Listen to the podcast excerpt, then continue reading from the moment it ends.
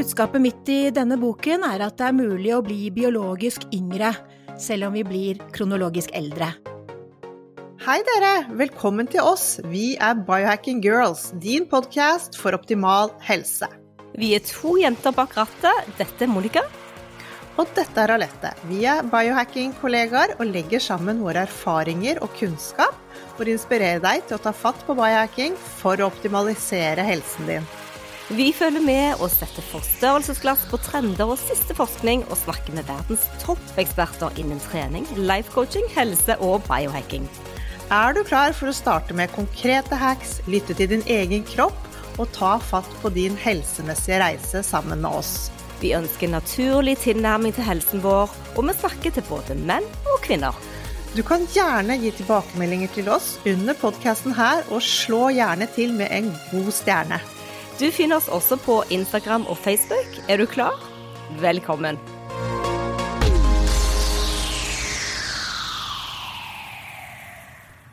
Antialdringsindustrien, sett på verdensbasis, den er faktisk verdsatt til 292 milliarder dollar. Det er så mye penger, det. Og dette omfatter jo da alt selvfølgelig fra rynkebehandling, skjønnhetskremer, og så til mer ekstreme og kostbare behandlinger. Så man kan jo begynne å lure på da, hva er den ledende årsaken til at vi dør? Er det aldring, eller er det sykdom? Ja, jeg tror det er begge deler. Sykdommen kommer vel med alderen. Hva kom først, høna eller egget? Ja, vi tror iallfall at mye av livsstilsvalgene våre, sånn som det moderne samfunnet er nå, gjør at vi dør pga. livsstilssituasjonene våre. Og det er gjort studier på hundreåringer som har levd friskt og lenge, men til slutt har sovnet inn pga. sykdom. Det er snakk om flest tilfeller av hjertelidelser, ikke alder i seg sjøl, dvs. Si år man har levd Hjertelidelser det har jo vært en av de største årsakene til dødsfall helt siden 1900-tallet og frem til i dag, så dette er jo noe man må se stadig på. Og vi som jobber med helse og biohacking-briller, tenker på forebygging av sykdom. Eh, vi ønsker å monitorere hormonene våre og kolesterol, og gjøre tiltak for å bedre disse nivåene. Men tenk om vi kan jobbe på samme måte med aldring òg? Ja, tenk på det, om aldring egentlig er en sykdom. Og det å utsette disse aldringstegnene, det kan også utsette sykdom. Det å minimere risikoen for både død og sykdom, det er jo noe vi veldig gjerne vil. Vi vet at noen tenker at dette med biohacking, det virker skikkelig ekstremt og veldig selvsentrert, at ah, dere bare tenker på dere selv. Men tenk om dette arbeidet faktisk øke kvaliteten på helsen gjennom livet. Altså det at antall år du lever med god energi og fri fra sykdom, tenk om de kan bli flere. Og jeg tenker bare sånn at jeg gleder meg til hver dag, jeg. Når jeg våkner så tenker jeg bare ho-ho, for jeg føler meg bra. Det syns jeg er en veldig fin innstilling til å biohacke. Og ikke bare det, men det å spare samfunnet for penger og medisinering, legeutgifter, sykehusopphold. Poenget er jo ikke å leve lengre om du er invalid eller lenket til sengen med sykdom. Vi ønsker et funksjonelt liv der vi føler oss verdifulle som mennesker. Og for å nyte livet, og som mange sier, not only add years to your life, but life to your years. Det høres veldig mye bedre ut på engelsk, så vi lar den bli der. Hanne S. Finstad hun er biokjemiker med en doktorgrad i omega-3 fettsyrer. Hun har nylig skrevet boken Yngre, der hun detaljert tar oss med på sin foryngelsesreise. Der hun via utvidede tester kan vise til en biologisk alder fem år yngre på kun et år. Det er helt utrolig. Ja, jeg må si at Hanne ser jo òg helt fantastisk ut. Det stråler energi og liv i hele dama. Og vi har snakket med henne om alle detaljene, om maten, fasten hun har gjort, treningen og styrketreningen, hormetiske stressfaktorer og ikke minst medisiner og tilskudd hun har tatt og skal fortsette å ta. Og mye av dette er inspirert av store forskere på feltet, bl.a. av dr. David Sinclair. Og Hanne selv har gjennomgått en hel rekke forskningsartikler og studier. Ja, dette har hun virkelig satt seg inn i. Så aldring, antialdring, det er tema i dag. Velkommen til Biohacking Girls, din pod for optimal helse. Da ønsker vi deg velkommen, Hanne Finstad, til oss på podkasten. Vi har kost oss sånn med boken din, og ikke minst historien og reisen din, Hanne. Hvordan har responsen vært? Den har vært eh, overveldende, egentlig. Eh, det har vært så mye respons fra lesere, og også fra media. Så jeg har aldri opplevd maken, så jeg var litt sånn uh, svimmel, nesten. Ja, og du er jo forfatter, du har jo skrevet veldig mange bøker, så dette, er dette det råeste du har vært med på? Ja, det er det. Jeg har jo noen ganger tullet med at jeg har vært en såkalt verstselgende forfatter. for jeg har jo skrevet ganske smal litteratur, og det er faglitteratur for barn, da. Faktabøker for barn. Um, så har jeg en bok før som heter Ditt smarte barn for voksne, og den har fått egentlig veldig god respons, også nå i Sverige. Uh, men denne, denne, slår alle rekorder. Ja, gratulerer. Ja, vi også har jo selvfølgelig kost oss veldig med denne boken. Men hva var det som gjorde at du ville gå i gang med dette prosjektet, Hanne? Hva, hva skjedde? Fortell. Det har egentlig vært en veldig lang plan, helt tilbake til over, ja hva blir det, 20 20 år siden, da jeg skrev for Kvinner og klær og henne, så fikk jeg jo med meg en del ting som skjedde innen aldringsforskningen, og jeg tenkte ok, nå er det bananfluenivå. Innen jeg blir 60, så er det kanskje på menneskenivå. Så jeg har fulgt med på dette her sånn i sidesynet mitt da, i, i over 20 år. Og i mm, januar 2022 så kom jeg over podkastene til David Sinclair. Og så, så, leste jeg meg litt mer opp, så tenkte jeg wow, nå skjer det. Eh, dette prøver jeg. Og da skal jeg gjøre det litt eh, vitenskapelig. Så jeg valgte jo først å ta seks ulike biologiske klokketester. Underveis fikk jeg tatt den syvende også, så til sammen har jeg syv måter å måle alderen min på. Og så satte jeg i gang med rådene til David Sinclair, og gjorde de samme målingene et år senere. I snitt da så viste jo det at jeg var blitt eh, biologisk fem år yngre, mens jeg ble ett år eldre. Dette er fantastisk. Har du noen gang vært i eh, direkte samtale med David Sinclair? Vi er litt sånn starstruck og vil gjerne få all informasjon om han hvis vi kan. Ja, jeg kan love deg at jeg prøvde så mye, mange metoder for å komme inn, få et intervju. Maila sekretæren hans, kontakta han på Instagram, eh, kontakta han på Twitter. Ja, jeg prøvde det meste. Men jeg fikk tak i Steve Horvath, som egentlig er en like stor stjerne, men ikke så mange kjenner til, og han svarte med en gang, han tilbød seg til og med å ta en epigenetisk test på hestene mine. Veldig hyggelig type. du, da må bare si at Vi har gjort det samme med David Sinclair, men så bra at du fikk uh, Horvath med. Kan ikke du fortelle litt hva som er hans uh, tilnærming til antialdring? Jo, han er jo den som har utviklet den første biologiske klokka som er basert på det man kaller epigenetikk, og eh, den ble publisert i, i 2011. Og jeg vet ikke om jeg skal forklare litt hva epigenetikk er, det er på en måte den bruksanvisningen som ligger rundt DNA-et vårt, da, og styrer hvilke gener som skal bli brukt hvor og når i kroppen. Og det viser seg at noen av disse signalene her i epigenetikken, de følger et spesielt mønster etter hvert som vi blir eldre, og det har han brukt til å, å lage en klokke. Og det er jo ikke alle som kan sette inn altså disse ressursene som du nå har satt inn for, eh, for å gjøre dette her. Men du snakker jo om eh, at et utgangspunkt, det er å identifisere selv hvordan vi føler. Hva føler vi at er vår alder? Hva mener du med det? Nei, det er jo det å føle litt på en måte hvordan er eh, Altså, man kan jo få veldig mye hjelp av en sånn treningsklokke, da. Det er et billig verktøy å kjenne litt på hva er hvilepulsen min, og hvordan sover jeg, og så videre, og stressresponsene, stressnivået i hjerteslaget og slike ting. Eller så er det jo å måle kanskje litt på formen sin, kondisjon, styrke, altså hvor er jeg i livet nå, eh, hvordan kan jeg forbedre meg, man kan jo fint starte der. Ja, det er veldig bra eh, for oss og for lyttere som ikke vil gå hele den veien, men at man kan kanskje måle vekt og uh, tracke søvn og de tingene der. Men du, Hanne, vi er interessert i å bare forklare litt, for den boken den er jo bygd opp sånn at du, du, du lærer veldig godt alle disse begrepene. Kunne ikke vi bare få en kort forklaring på hva kronologisk alder er? Ja, Kronologisk alder er jo den alderen som er like stor som antall bursdager du har hatt, da. Så den er ganske grei, egentlig. Og så må vi, må vi, få den biologiske alderen. Hva er forskjellen her? Den skal gjenspeile mer hvordan helsetilstanden i kroppen din er. Og det finnes ingen entydig definisjon på hva som er biologisk alder. Det er veldig mange måter å måle det på, og jeg har brukt, eh, kan du si, fire hovedmetoder jeg har brukt en måte som går på blodverdier av forskjellige celler og D-vitamin og slike ting i blodet mitt, så har det lagt det inn i en klokke.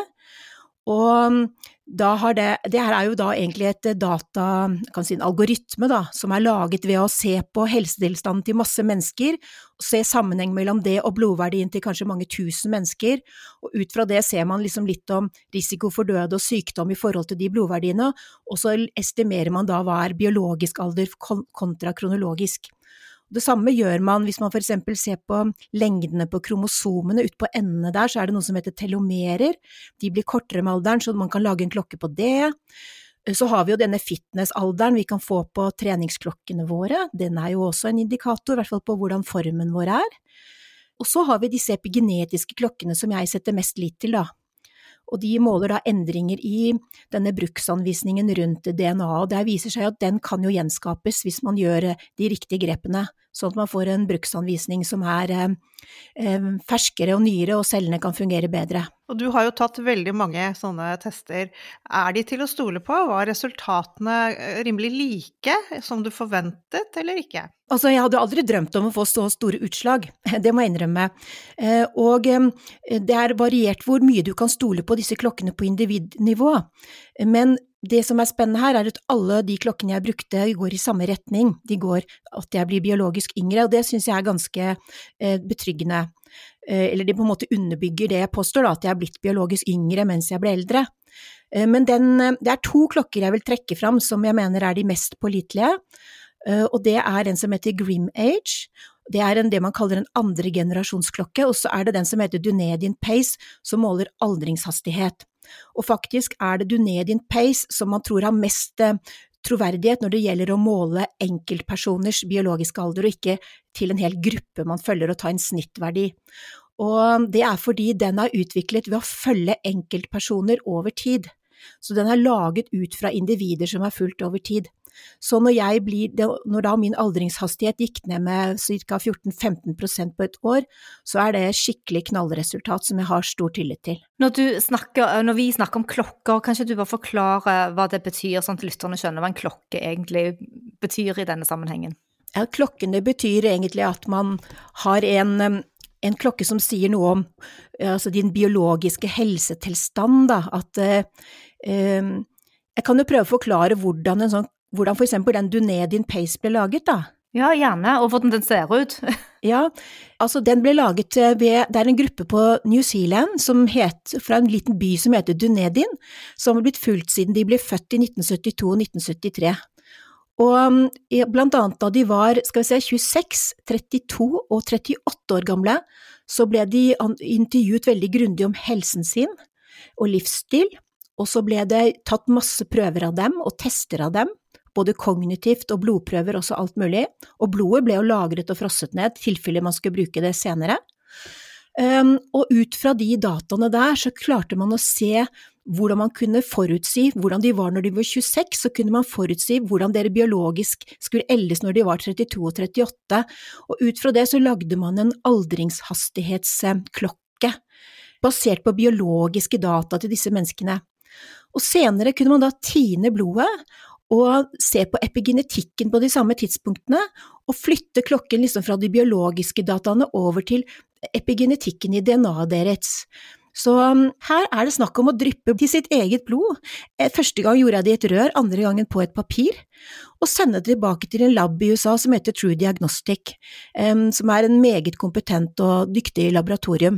Og så analyserer de det blodet, da, de åpner opp cellene, fisker ut DNA-et, kopierer opp de sekvensene som skal analyseres, klarer å finne ut hvor det er noe som de kaller metylgrupper, det er en del av metyleringen, og hvor det ikke er metyl, det er det de ser på og de klarte faktisk å kartlegge 700 000 sånne metylsteder på mitt DNA.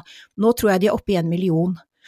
Og de klokkene jeg har brukt, bruker kanskje bare noen hundre eller tusen av de stedene, men det som er spennende er fordi de har så mye data på meg, så når de kommer med nye, mer avanserte tester nå i årene som kommer, så kan jeg få data på det også. Så det syns jeg er spennende. Altså, dette er ikke gentesting, det er ikke noe at de har analysert genene mine. Og de har alt i sin egen database som er skjermet fra omverdenen, så det er ikke uten videre at noen kan stjele det. Men det er ikke personsensitivt på den måten. dette forandrer seg hele tida. Veldig oppklarende. Og dr. Jason Summers, som kommer til oss da på Biohacking Weekend, han jobber jo med True Diagnostics òg. Og det som vi har sett på som litt utfordring med Jarlette, er jo det, sånn som du skriver i boken din òg, at du må på en måte kunne konvertere målene fra USA til norske mål. Og det er jo en ganske stor jobb. Det er ikke for alle det, Hanne? Nei, men det er ikke noe problem med True Diagnostic, for det går bare på epigenetiske data. Men den klokken jeg brukte som et inside tracker, som var på blodverdier, det er litt vanskelig. Så det, der fikk jeg hjelp av å være biokjemiker og klare å finne omregningsformelen og sånt nå. Og hvis noen eh, som har lyst til å prøve dette, da skulle det være noen steder man kunne få hjelp til å overføre den informasjonen til norske tall? Jeg har ikke funnet eh, noen steder enda, men jeg vet at den klinikken Epivity Health, som jeg er litt involvert i, de vurderer å sette opp en sånn klokke. Ja, det er veldig, veldig bra, for det, det, tror jeg vi trenger for å En ting er å ta en test, en annen ting er jo faktisk å forstå hva den testen skal fortelle oss. Ja, jeg har jo syntes at selv at det har vært vanskelig, det er jo derfor jeg har blitt med i det her eh, Epivity, fordi der skal vi nettopp hjelpe folk med å tolke resultatene, sånn at man ikke blir redd og engstelig, og, og også vise hva bør du legge vekt på her, og hva er litt mer usikkert. Men er Epivity litt det samme som AE-en, for vi hadde jo de på podkasten her forleden? Ja, bortsett fra at her snakker man også om mye mer personlig livsstilsveiledning da, og rådgivning med fagfolk. Ikke bare testing og tilskudd. Ja. Vi var litt inne på dette med epigenetisk alder, kan ikke du forklare det også?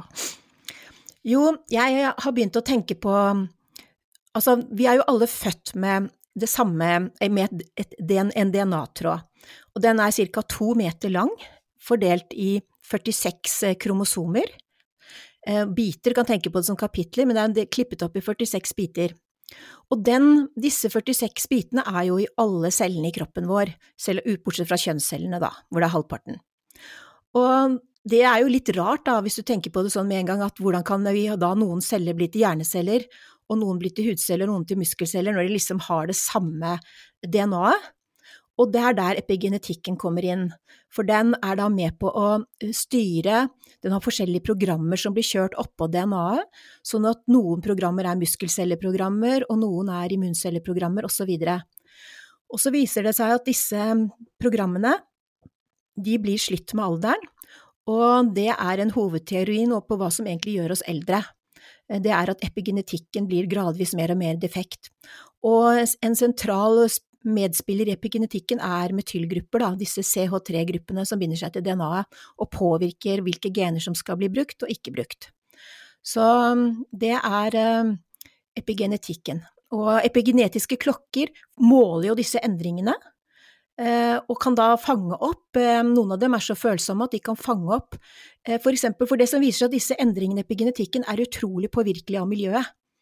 Og det syns jeg var så spennende når jeg skrev den boken, å virkelig oppdage det samspillet mellom DNA og miljø gjennom epigenetikken, det er hele tiden du kan tenke deg at det er et sånt Bare se for deg en DNA-tråd, så kan du bare se for deg at det kontinuerlig festes molekyler av og på, av og på, avhengig av hva vi lever, hvordan vi gjør. Og det er liksom derfor for eksempel alle som har fått barn og ikke drukket alkohol på kjempelenge, tar en lettøl og blir litt pussa, for det, man har da ikke noen mulighet for å bryte ned alkoholen sånn som man hadde, fordi genene har vært helt inaktive, de har ikke vært nødvendige å ta i bruk, ikke sant. Så der har det skjedd store epigenetiske endringer. Men med en gang vi da begynner å drikke litt grann alkohol, så blir disse skrudd på igjen, da binder ting seg på. Så det er sånn hele tiden. Og det, jeg fikk et sånn kjempeeksempel på det i boka, fordi når jeg tok den der Grimage-testen, så måler jo den blant annet eksponering for sigarettrøyk. Og plutselig, etter et år når jeg er blitt yngre, så jeg, slo det plutselig ut på sigarettrøyk, og jeg har aldri røyka. Aldri, altså. Og det var ikke mye, men det var tydelig. Og det var jo mannen min som hadde begynt å røyke pipe i julen. Og jeg hadde vært passiv røyker kanskje en seks–sju ganger.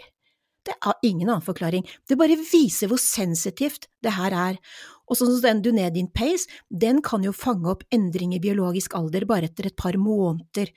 Så sant, hvis man bare setter i gang eh, med å trene litt mer, spise litt sunnere, så har det effekt på kroppen omtrent umiddelbart. Ganske sikker på at vegetabilske oljer òg vil vise på disse testene pga. oksideringen, da? Det vet jeg ikke, det har jeg ikke sett noen studier på. Det hadde vært interessant. La oss ta den siste òg, eh, immunologisk epigenetisk alder. Da kan du forklare det òg, Hanne. Ja, det var en av de klokkene som også tar hensyn til liksom, sammensetning av immuncellene mine i, i, blodet. Det kan nemlig måles også epigenetisk, da.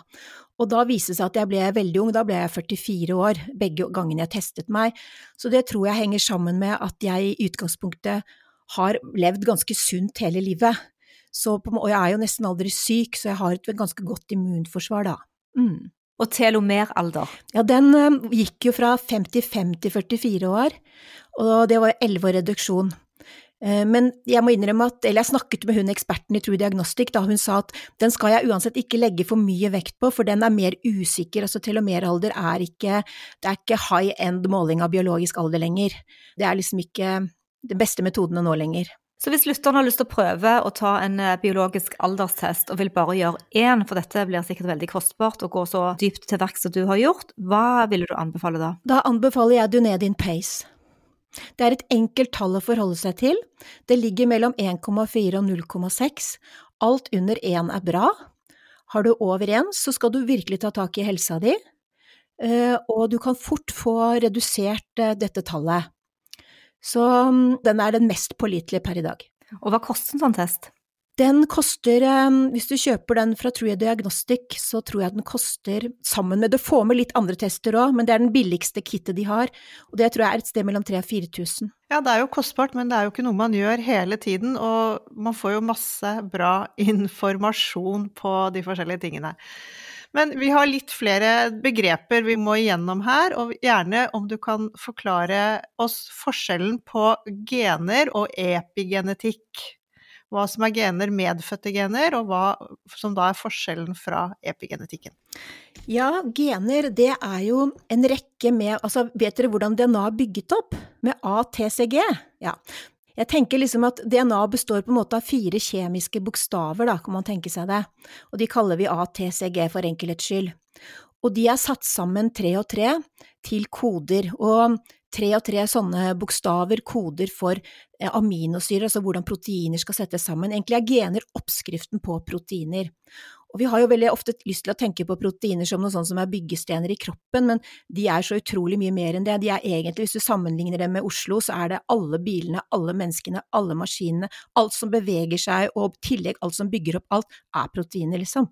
Så det er kanskje litt fett da, men det er veldig mye proteiner, som gjør egentlig alt mulig spennende i kroppen. Og det, du kan si at genene er jo oppskriften på disse proteinene.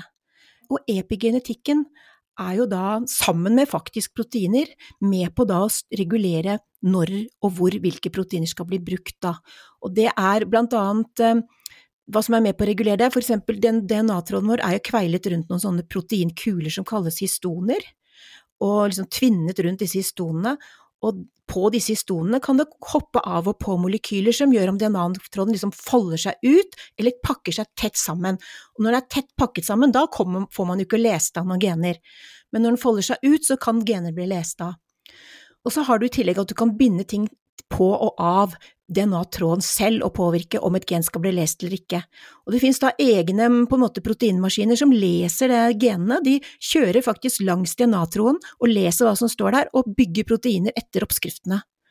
Så jeg vet ikke om jeg klarer å forklare det enklere enn det, men eh, det, det, var, det, var, veldig fint. Og uh, bare sånn at vi ikke mister lytterne her nå, for de med, så det ikke blir for teknisk, så kan kanskje du forklare litt selve reisen din dette året? For det er det vi er veldig spent på. Hva er de store endringene du gjorde?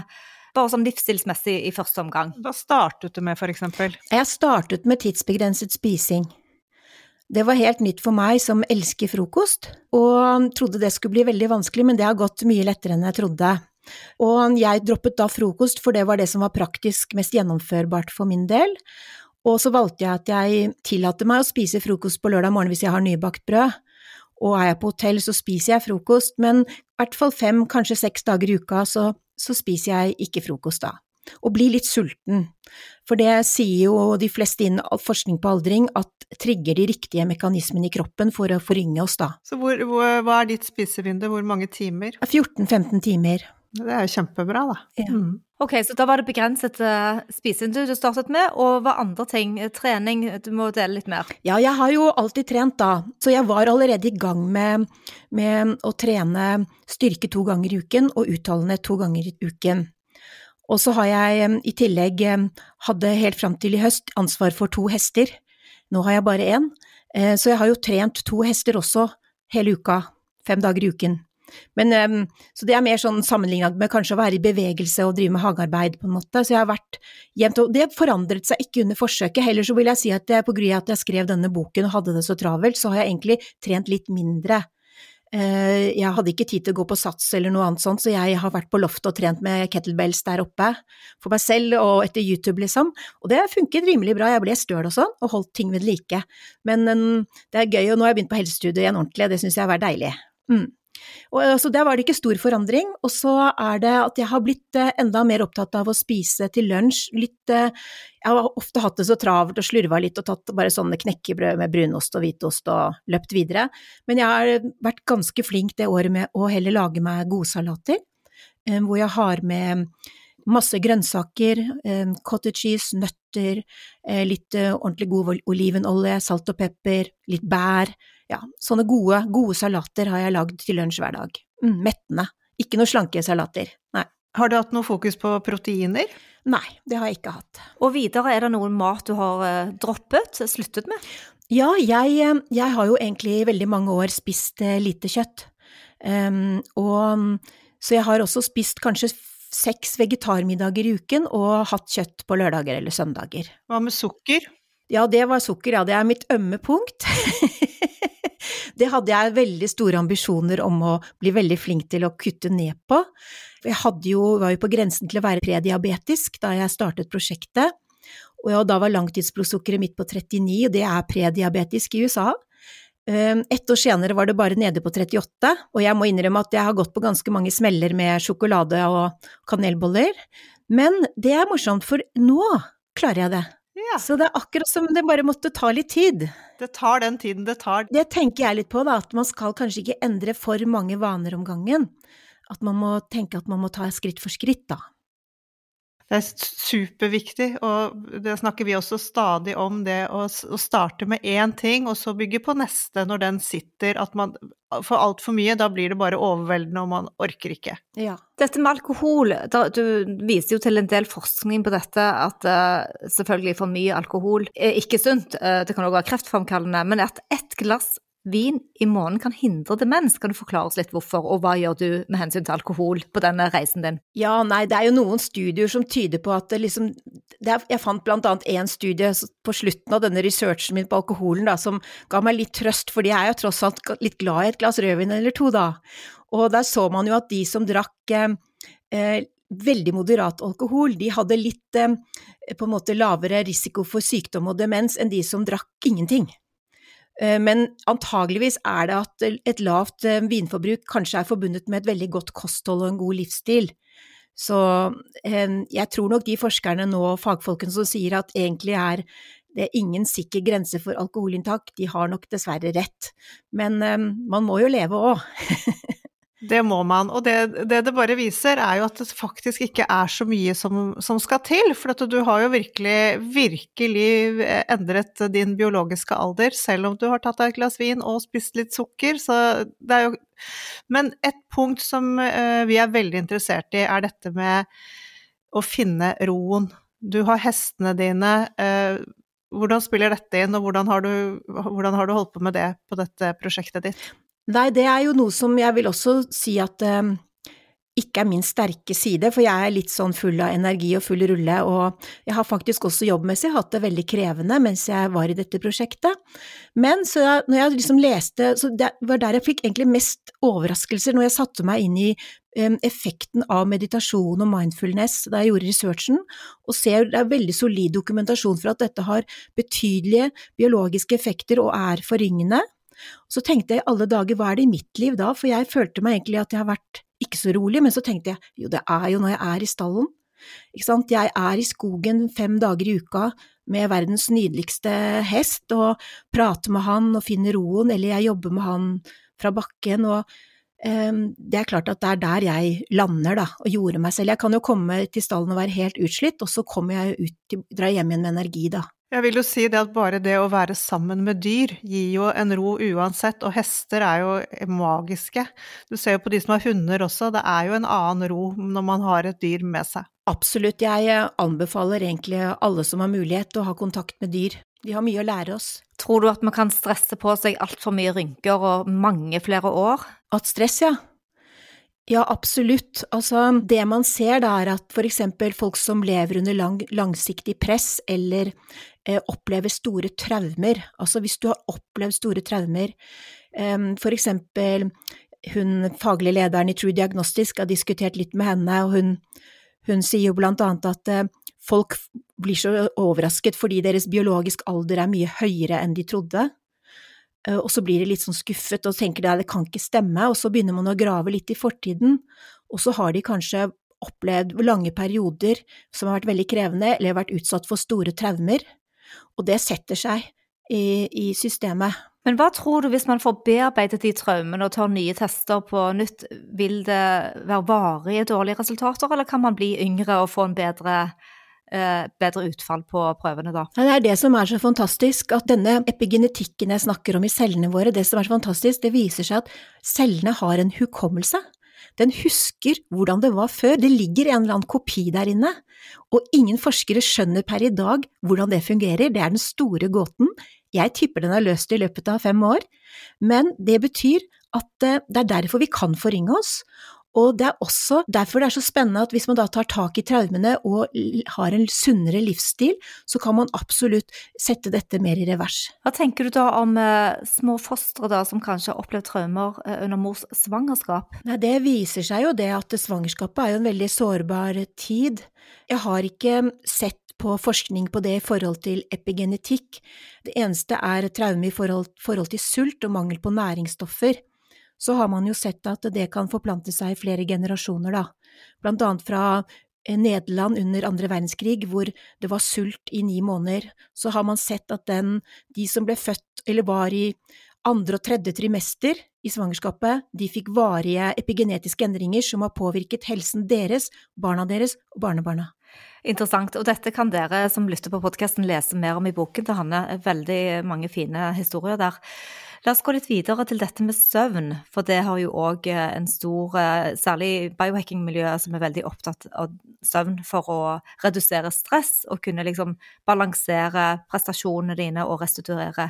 Hvordan har søvn eh, påvirket din reise i å bli yngre? Jeg tar søvn på alvor, og det har jeg gjort mye mer dette disse, Det har egentlig gått to år for meg nå, jeg skal jo snart måle igjen.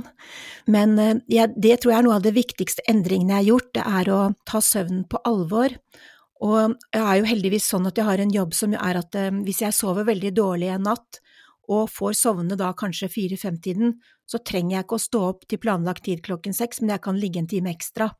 Og det gjør jeg for det syns jeg er veldig verdifullt å få prøve å bli uthvilt da. Um, ellers så har jeg sjekket på denne klokken min, pulsklokken min, om jeg har fått bedre søvnkvalitet, for jeg syns jeg liksom fikk det, men den måler har jeg ikke funnet noen signifikante utslag hva den har målt, da. Men det er mer en subjektiv opplevelse, da, har fått litt bedre søvnkvalitet.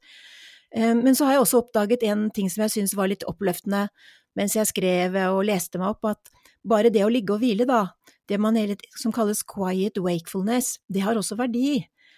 Og det syns jeg hjelper òg, for når jeg da ikke får sove, kanskje jeg har noe jeg stresser med å tenke på, så tenker jeg liksom ok, men jeg ligger nå her og hviler, jeg slapper av, og så egentlig er det lettere å sovne igjen også da.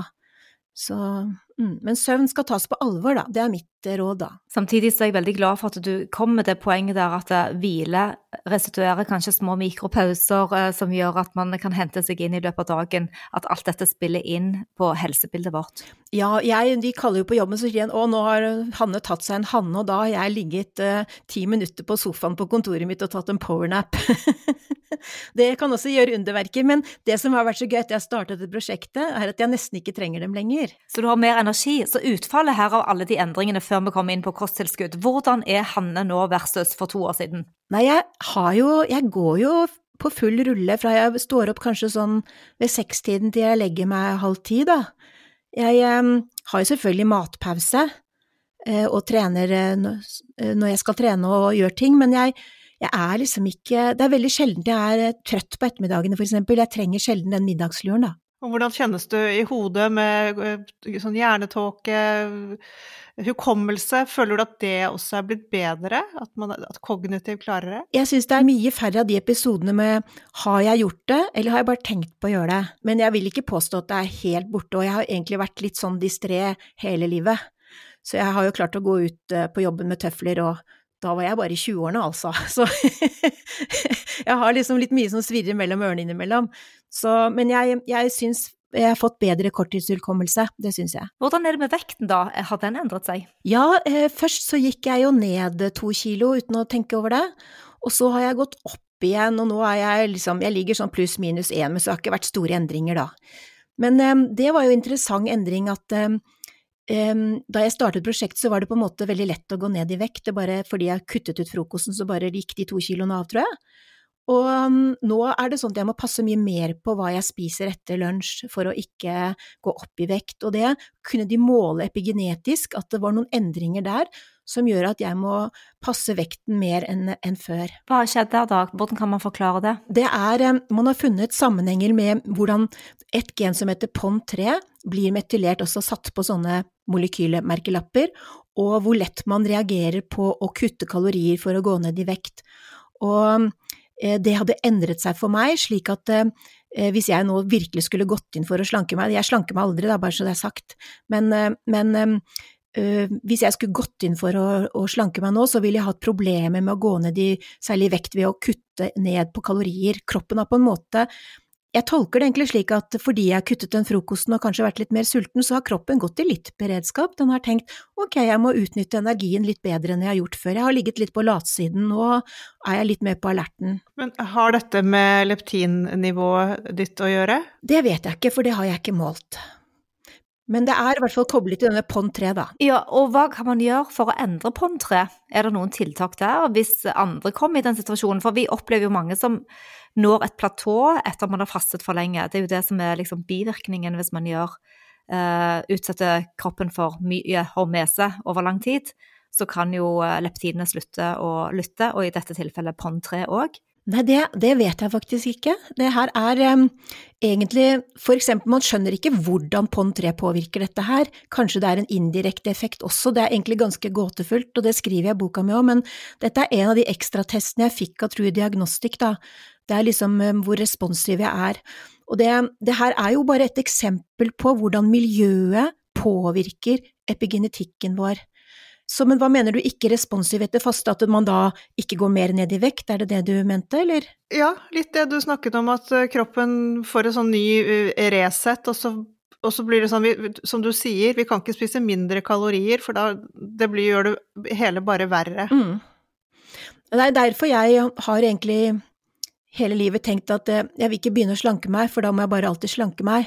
Men jeg passer jo alltid på hva jeg spiser, da. Men jeg tror jo egentlig litt på sånn å fråtse litt innimellom, jeg. For at eh, kroppen skal gå i sånn luksusmodus og tenke at her er det bare å slappe av. Helt klart. Og det å ha sånne type checkpoint days, altså litt spisedager hvor du øker mengden med kalorier, men, men nå siden det er så veldig trendy med faste, så ser vi òg at det er mange som henvender seg til oss pga. Eh, det platået de når.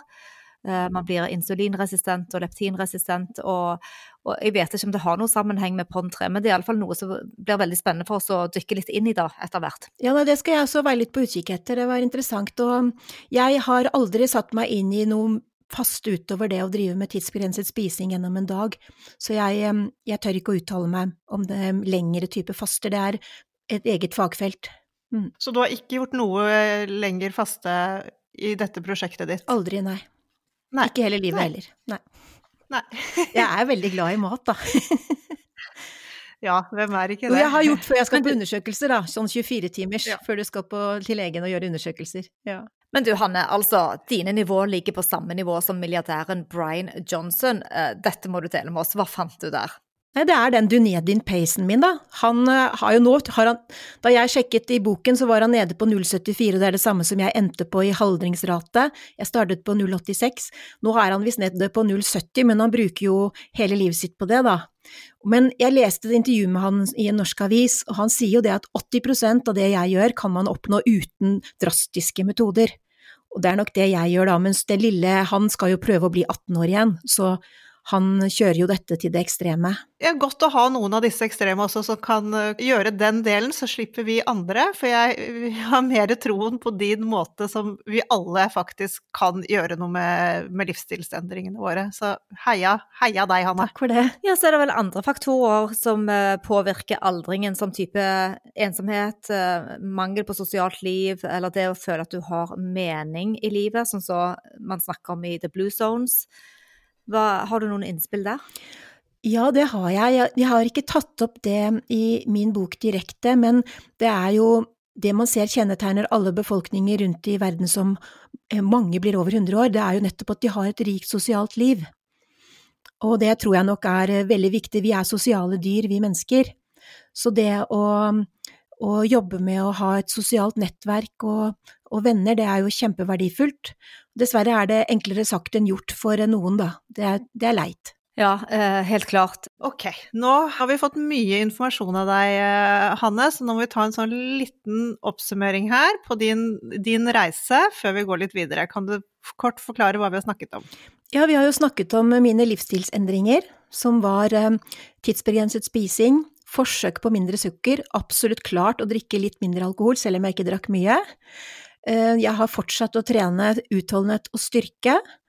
Og så har jeg ikke egentlig bevisst drevet med mindfulness og meditasjon, men jeg driver jo med hest, og det tror jeg er verdifullt. Og så har jeg spist eh, enda mer plantebasert mat enn jeg har spist fra før, da, eh, og sunnere, sunnere lunsjer. Men jeg spiser også kjøtt, vil jeg legge til det. Det var vel det viktigste, var det ikke det? Ja, for det er bare et lite spørsmål med dette kjøttet, da, siden vi er kjøttspisere og spiser fisk.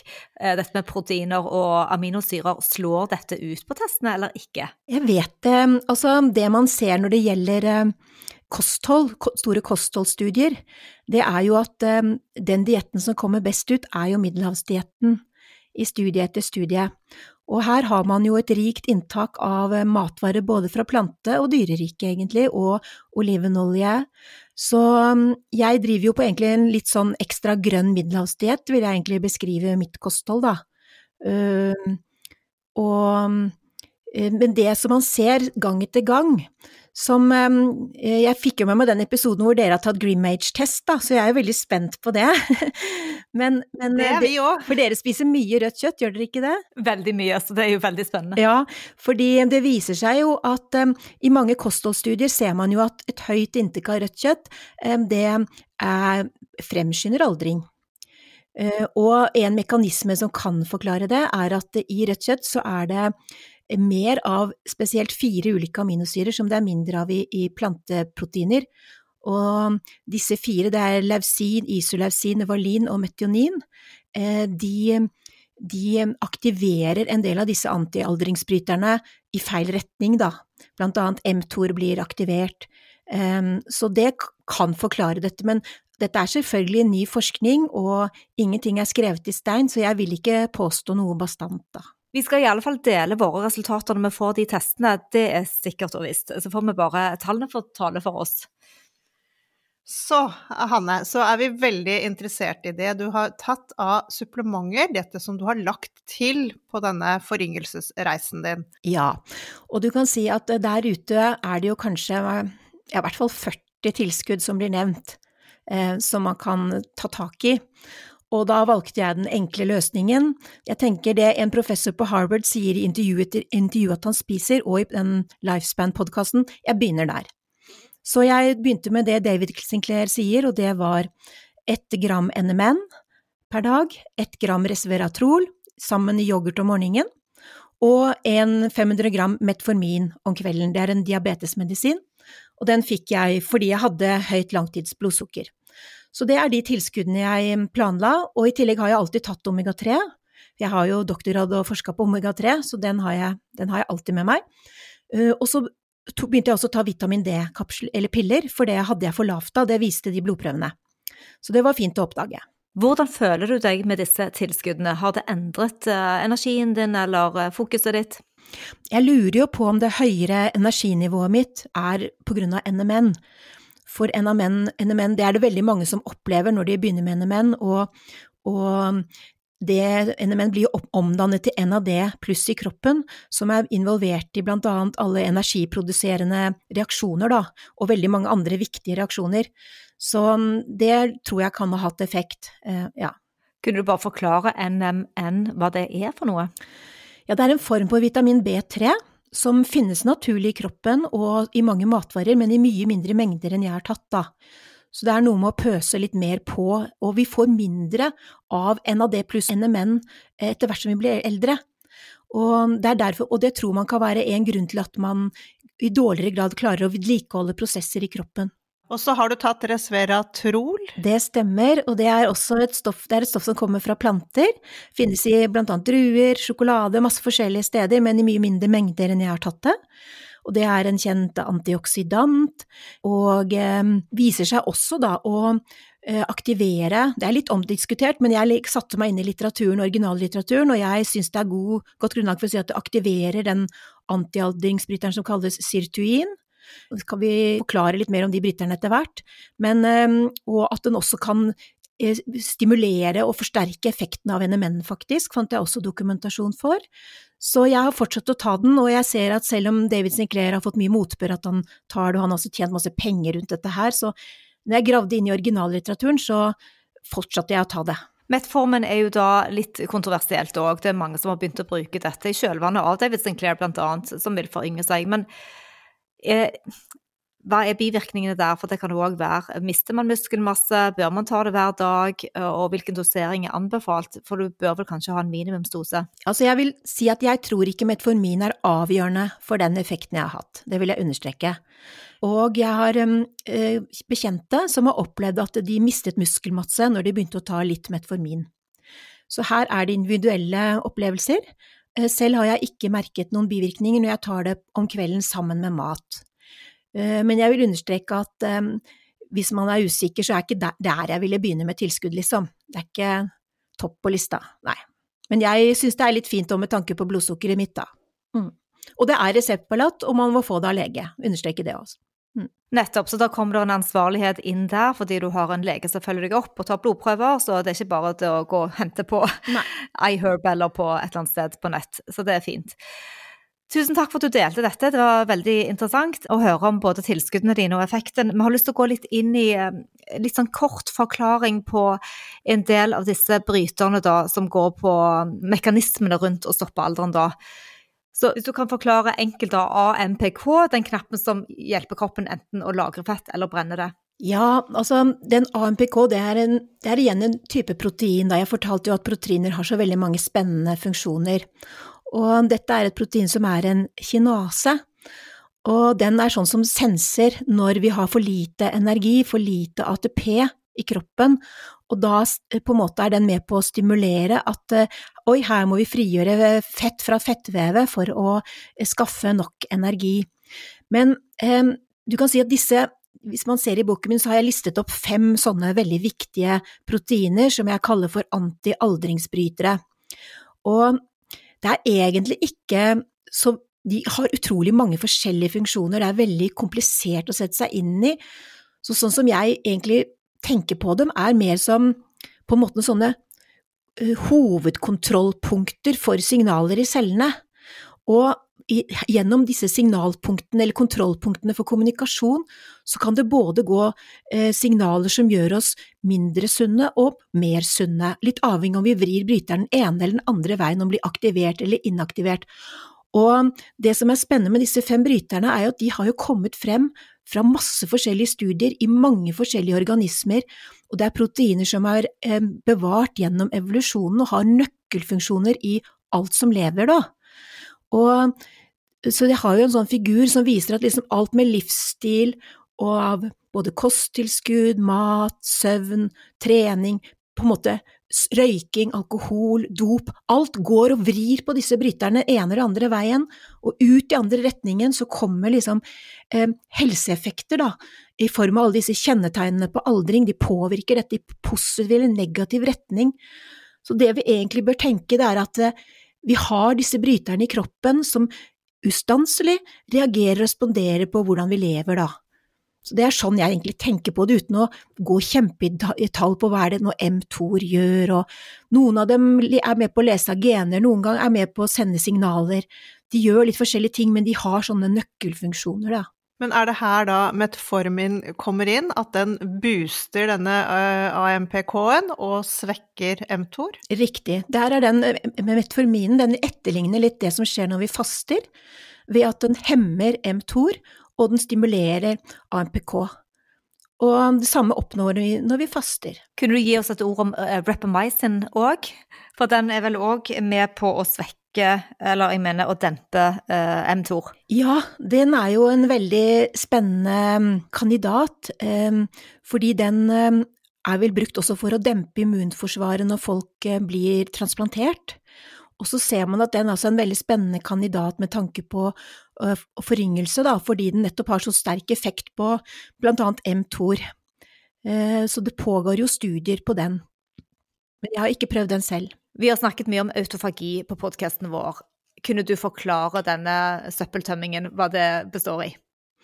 Ja, det er jo sånn at cellene våre er jo fantastiske på en måte i å ta vare på seg selv, og eh, når ting blir utslitt, så blir det på en måte brutt ned og, og gjenbrukt, da.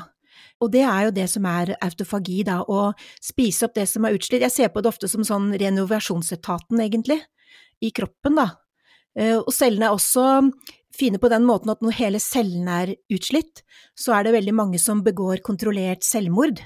Eh, så de bryter seg selv sakte, men sikkert ned på en kontrollert måte uten å skape betennelse, for at andre celler skal komme og spise de opp og gjenbruke de, byggestenene i dem. Men har du prøvd spermidin ennå? Spermidin har jeg ikke prøvd ennå, men det står på listen min nå over noe av det nye jeg skal prøve. Jeg driver og tester ut nå kversitin, alfa-lipoic acid, og så neste blir nok spermidin. Da venter vi i spenning for å høre hvordan dette går. Ja, jeg skal måle ny biologisk alder nå i mars. Wow. Så jeg er spent. Det jeg er veldig spent på, er liksom Holder jeg meg der?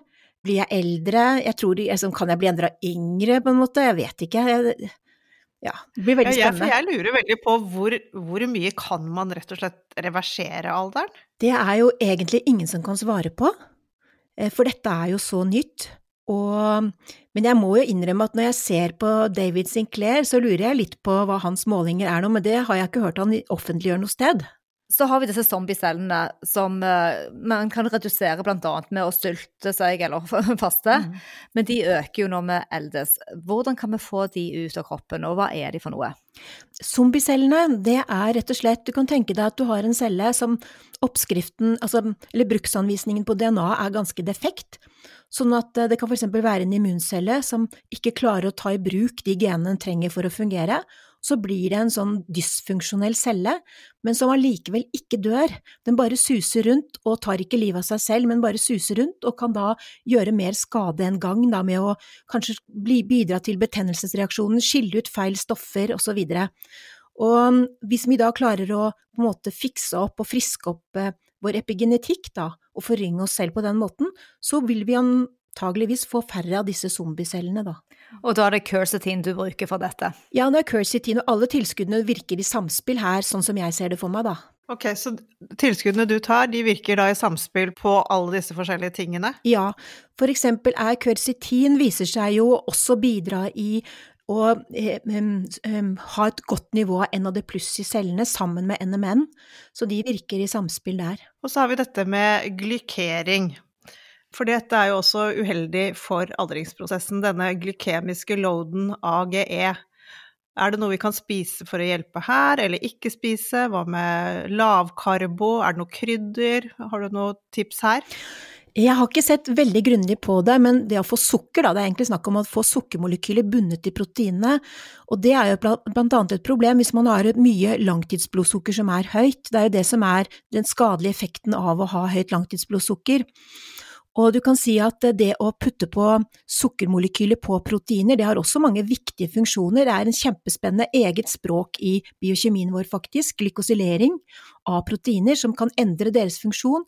Men det er klart at hvis denne glykosyleringen blir feil og defekt, så mister proteinene sin optimale funksjon, eller kan bli helt ødelagt.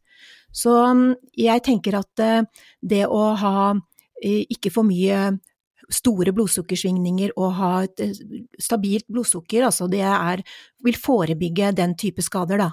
Og da er jo alt det du har snakket om før, både med trening og ja, litt mer mettende eh, måltider, ikke sant, grønnsaker som du får inn.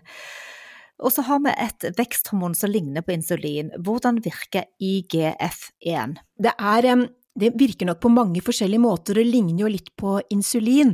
Det man har sett da, det er at eh, denne her vil man ikke ha for mye av, det er bedre å ha for mindre av IGF-1 med tanke på foryngelse.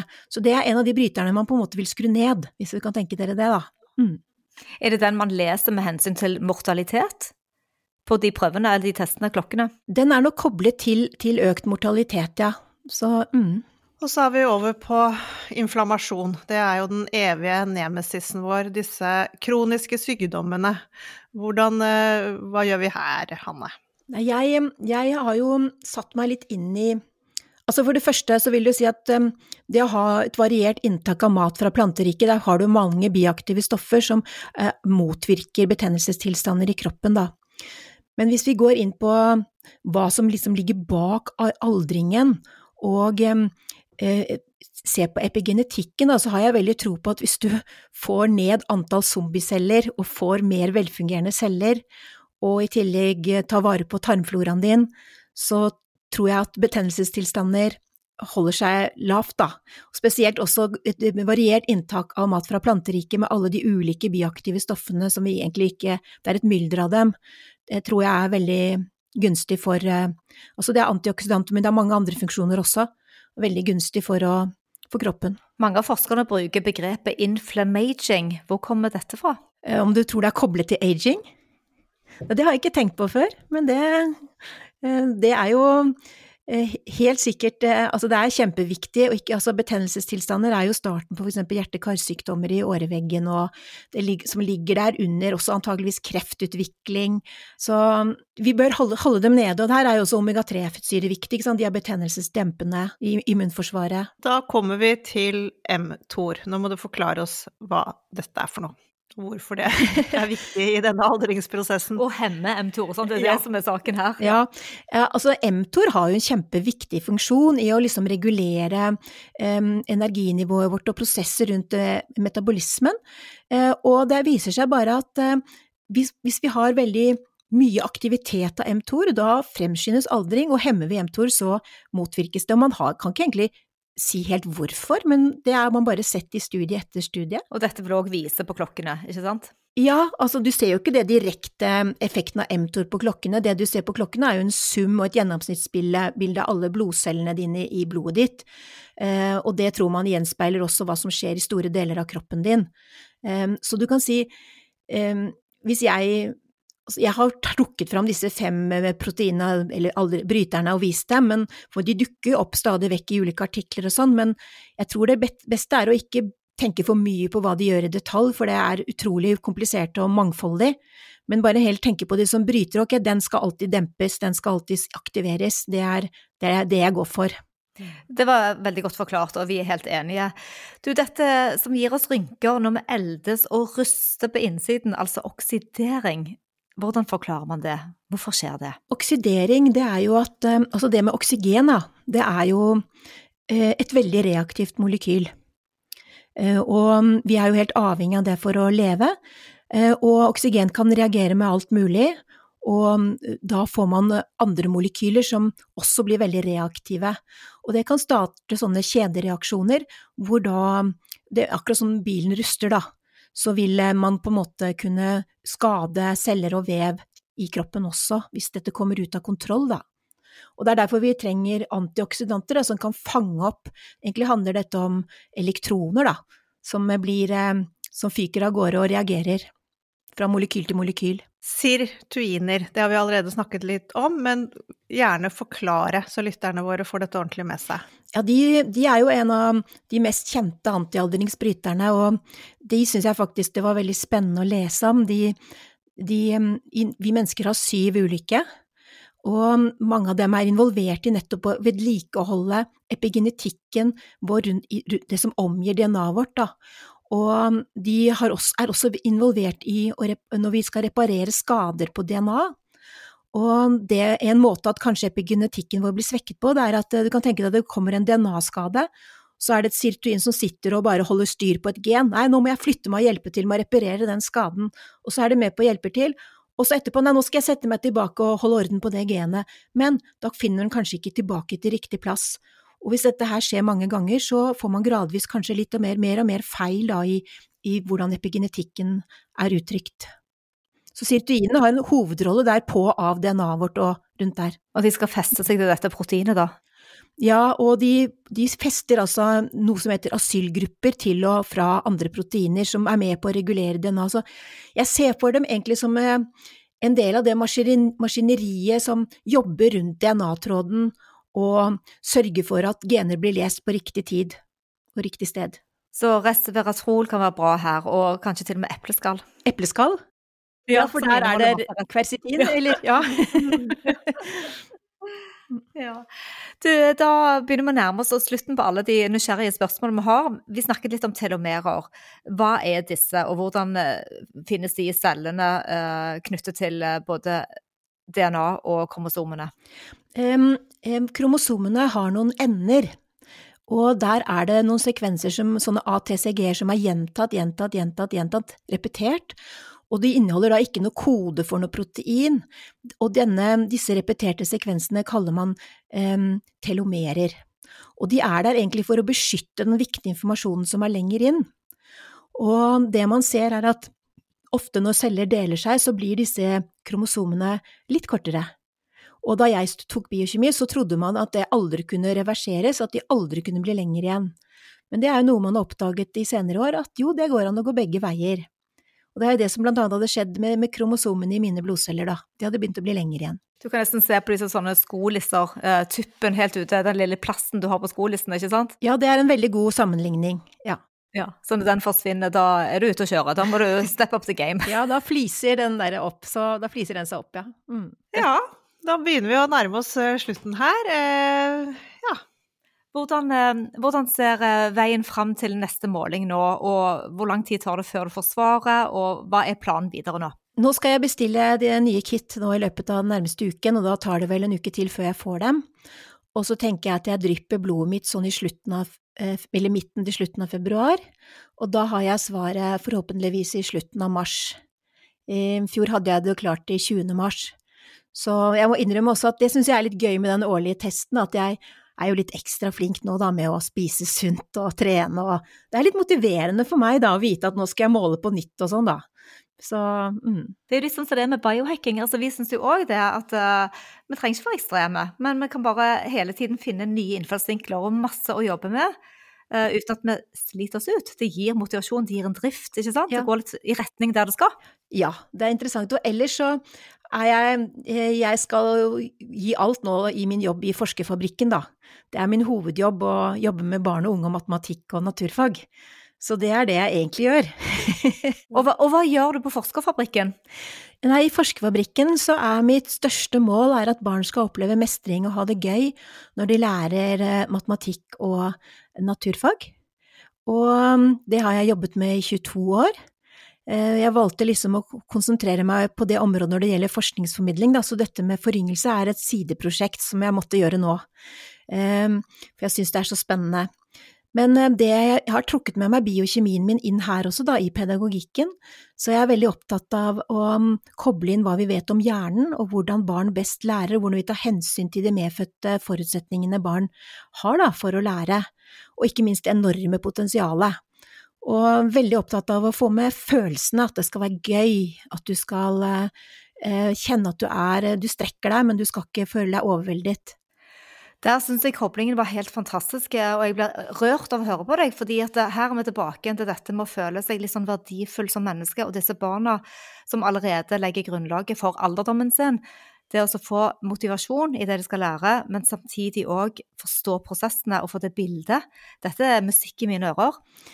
Ja, nei, det er fryktelig, det er fryktelig spennende, og, og, spesielt når du møter elever som kanskje har mistet veldig mye selvtillit i matte, og så begynner du å jobbe med dem på å ta hensyn til at eh, man trenger ofte pauser, man må jobbe på det nivået man er, bygge fra bunnen av, og gi masse ros, og så plutselig bare løsner det. Det er veldig gøy. Ja, veldig, veldig bra. Det er så nydelig å høre at du jobber med barna. Så dette kan de forvente seg nå til på sommerskole i år, eller? Ja, i år, ja. Vi skal ha en sommerskole nå som heter Vår magiske planet over store deler av landet. Og her skal vi utforske hva som er så spesielt med jorda vi lever på.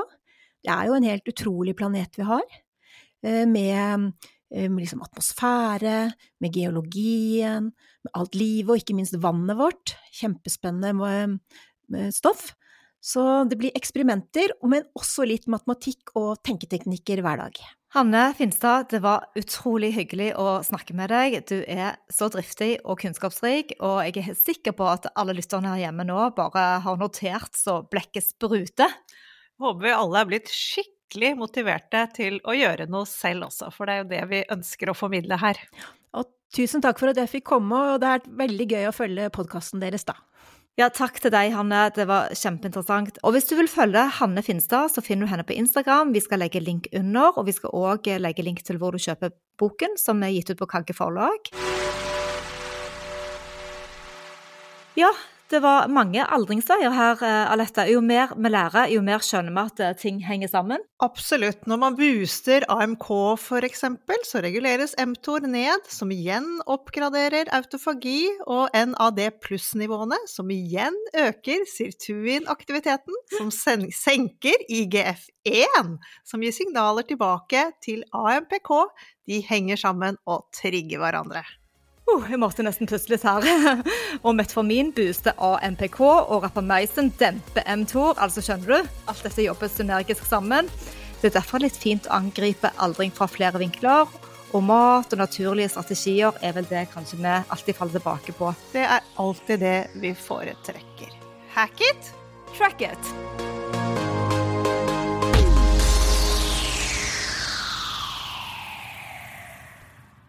Vi minner om at dere må snakke med egen lege eller kostholdsveileder om dietter og andre spørsmål relatert til medisiner og supplementer. Informasjon vi deler, kan ikke bli brukt til å diagnostisere, behandle, forebygge eller kurere noen sykdommer eller tilstander.